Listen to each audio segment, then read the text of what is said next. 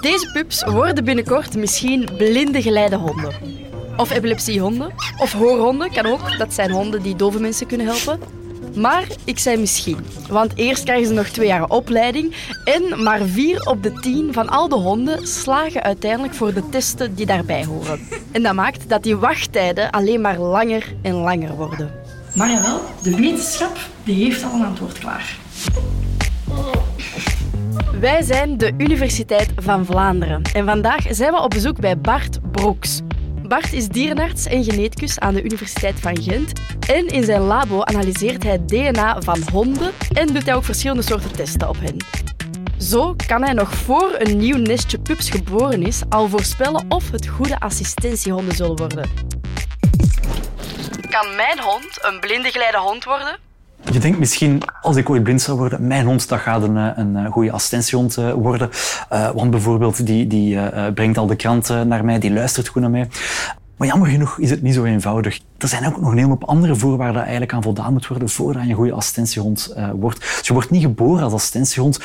Je moet op zichzelf al de goede kenmerk hebben en daarnaast nog eens een heel opleidingstraject doorgaan voordat je echt ja, geschikt bent voor het werk. Assistentiehond is eigenlijk een overkoepelende term voor allerlei types honden die mensen individueel gaan helpen. Dus wat valt daaronder? Typisch de blinde geleidehonden. Dat is denk ik hetgeen waar iedereen aan denkt eh, als je eh, over assistentiehonden praat.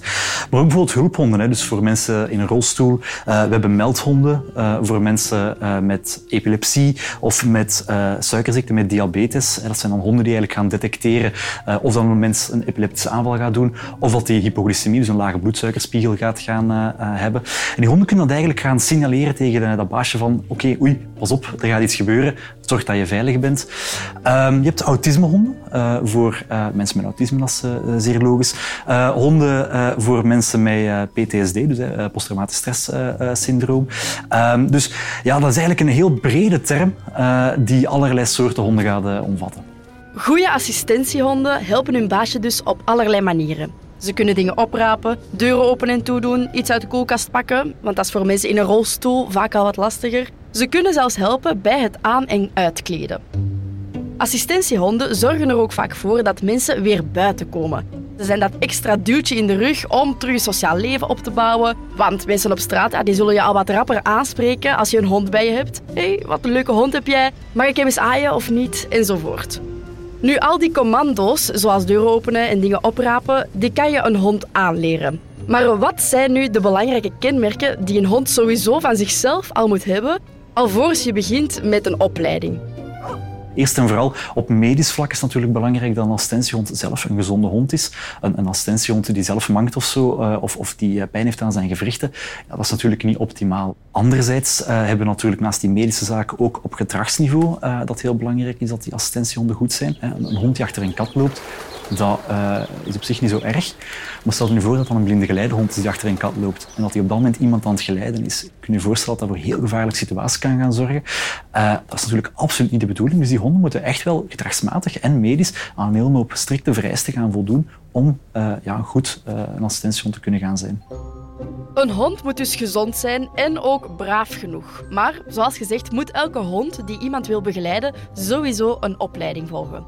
Die duurt twee jaar en tussentijds moeten ze ook nog allerlei examens afleggen. Dat zijn een aantal fysieke testen, gezondheidstesten en gedragstesten. En jammer genoeg zal niet elke hond slagen. Zes van uh, de tien honden die uiteindelijk uh, ja, aangekocht waren om assistentiehond te worden, gaan het niet halen ja, een assistentiehond opleiden volledig kost 25.000 euro. Wel gemiddeld, omdat natuurlijk het moment van afkeuring wat variabel is, maar gemiddeld is er al meer dan 10.000 euro geïnvesteerd in zo'n pup eer dat die wordt afgekeurd. Met andere woorden, dat gaat over gigantische bedragen. Zeker als je nog eens in rekening brengt dat er zoveel zijn die worden afgekeurd. De belangrijkste reden waarom een hond wordt afgekeurd is omdat ze plots ontdekken dat de hond ziek is of een aandoening heeft. Bijvoorbeeld een hartafwijking, die de pup dus nog niet had toen hij aan de opleiding begon, of die ze toen althans nog niet konden vaststellen. Of misschien zien ze ineens dat de hond wat begint te manken. Dat komt dan vaak omdat de heupkop eigenlijk niet mooi in de kom blijft zitten. Die zit wat los.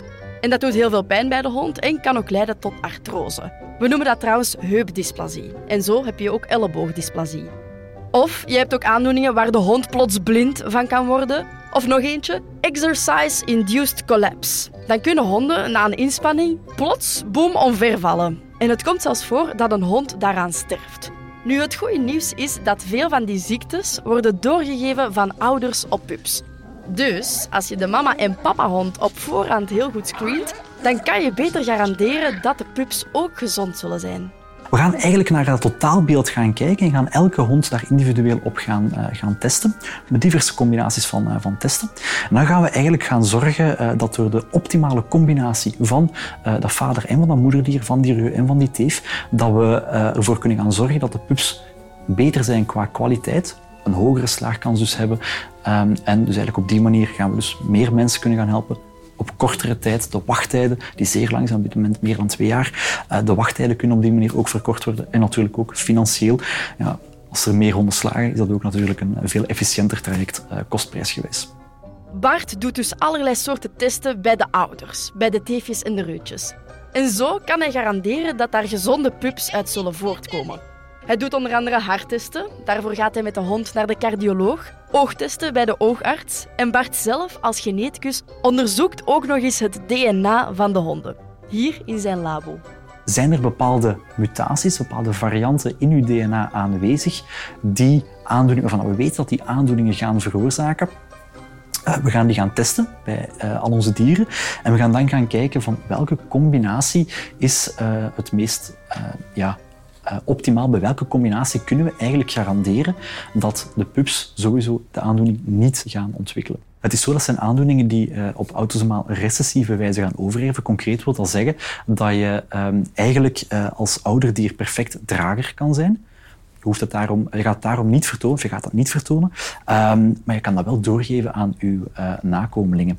en als je dan de pech hebt dat beide ouderdieren alle twee drager zijn, dan gaat 25% van de pups verwachten we, 25% van de pups gaat dan effectief leider zijn. Gaat het dan gaan tonen, gaat het dan hebben die, uh, die ziekte uh, genetisch?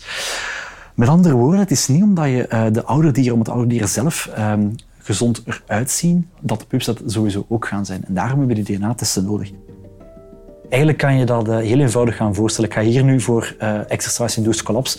Uh, de ene variant is de ziekte veroorzaken. We noemen die EIC. En de andere, de normale variant, die gaan we N gaan noemen. Nu is het eigenlijk zo dat als beide ouders drager gaan zijn, dan gaan die één keer het normale allel gaan hebben, één keer de normale variant en één keer het ziekte veroorzaken. Dan zien we hier eigenlijk, als we een tabelletje gaan voorstellen, aan de ene kant het vaderdier, aan de andere kant het moederdier. En eigenlijk op basis van zo'n tabelletje kan je dan perfect gaan uitrekenen wat de kans is dat bepaalde nakomelingen ziek, gezond of uh, drager gaan zijn. Dat kan je dan eigenlijk gewoon zo gaan invullen en dan zie je dat van de vier mogelijkheden die er zijn, dat 1 op 4 gaat volledig normaal zijn, 1 op 4 gaat ziek zijn en de overige 50% die gaan de ziekteveroorzakende variant gaan dragen. Dus op die manier uh, uh, kan je ook zien dat eigenlijk een combinatie van een drager maal een drager, dat dat echt geen goed idee is, want dat je 25% uh, ja, nakomelingen gaat, gaat gaan fokken die ziek gaan zijn. Bart doet die DNA-testen onder andere voor Purpose Dogs, een VZW waar hij zelf voorzitter is en die honden fokt voor verschillende assistentiehondenscholen over heel België. Bij Purpose Dogs is het zo dat op het moment dat we gestart waren, dat er twee teefjes waren die, die drager waren van Exercise Induced Collapse. We hebben gezegd, oké, we weten dat die honden drager zijn. We gaan op zoek naar een reutje dat geen drager is. Op die manier kunnen de pups zelf maximaal drager zijn. Je gaat nooit zelf de ziekte gaan vertonen. En eigenlijk door die aanpak te gaan hanteren, hebben wij ervoor gezorgd dat zonder dat je dieren moet gaan uitsluiten, de uh, frequentie van voorkomen van die aandoening naar nul is gereduceerd. Uh, dus we hebben geen exercise-induced collapse meer bij onze honden. Er is ook nog een tweede belangrijke reden, naast die aandoeningen, waarom honden afgekeurd worden tijdens of na hun opleiding. En dat is omdat ze slecht gedrag blijven vertonen. Daarom doet Bart samen met experten ook verschillende gedragstesten bij de mama- en papahond. Want gedrag is net zoals ziektes en aandoeningen voor een groot deel erfelijk. Dat is bij ons trouwens ook zo. Hè? Als jouw mama een pietje precies is, of net heel chaotisch, of enorm ambitieus, dan zal de kans redelijk groot zijn dat jij daar ook wat van in je hebt. Dus, als de mama en papa-hond heel makkelijk te trainen waren, dan zullen die pups dat vast ook zijn. Bij die gedragstesten kijken ze dus of de hond flink luistert, of die mooi naast jou kan lopen, of die over een trapje gaat, uh, of de hond niet helemaal van zijn melk is als er plots een blikje valt, of als er een paraplu dichtbij geopend wordt. een hond mag een keer uh, verschieten, dat is normaal, iedereen verschiet wel eens. Maar eigenlijk gaan we dan vooral kijken, uh, gaat hij zich uh, heel snel stabiliseren? Gaat hij heel snel terug in zijn normale, rustige, stabiele toestand zijn? Zodanig dat hij eigenlijk inderdaad ja, het werk kan gaan hervatten en eigenlijk op een goede manier daarmee mee kan omgaan.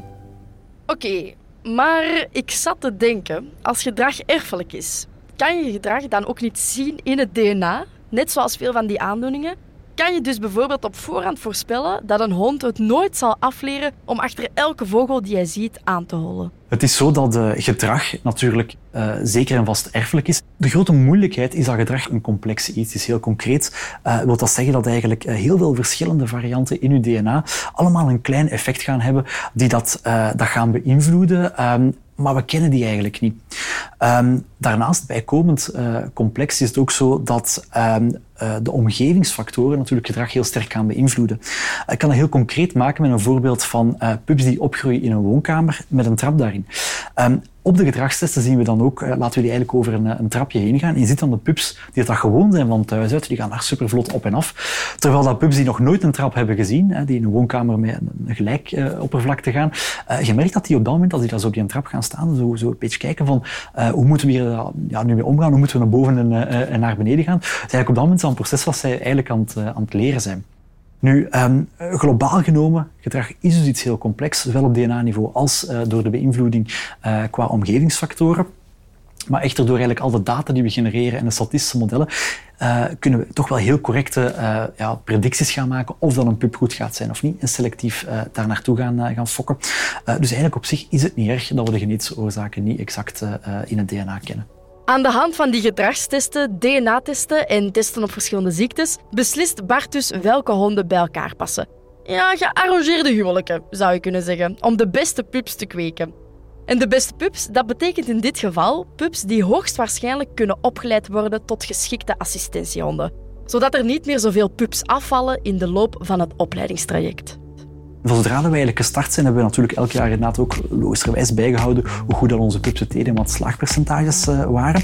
En eigenlijk is het zo dat zelfs vanaf het eerste jaar al dat je direct een substantieel verschil zag. Op dat moment uh, waren er bij ons meer dan 60% geslaagd. Hè. Dus uh, eh, 40% afgekeurd, 60% geslaagd. Dat is wel één grote stap. En sindsdien is dat getal eigenlijk jaarlijks omhoog gegaan. Ondertussen zitten we over de 70%. Genetisch geselecteerde superhelden dus. Ze komen eraan. En dikke merci aan Bart daarvoor, want zo worden die wachttijden voor assistentiehonden steeds korter en korter. Tot de volgende!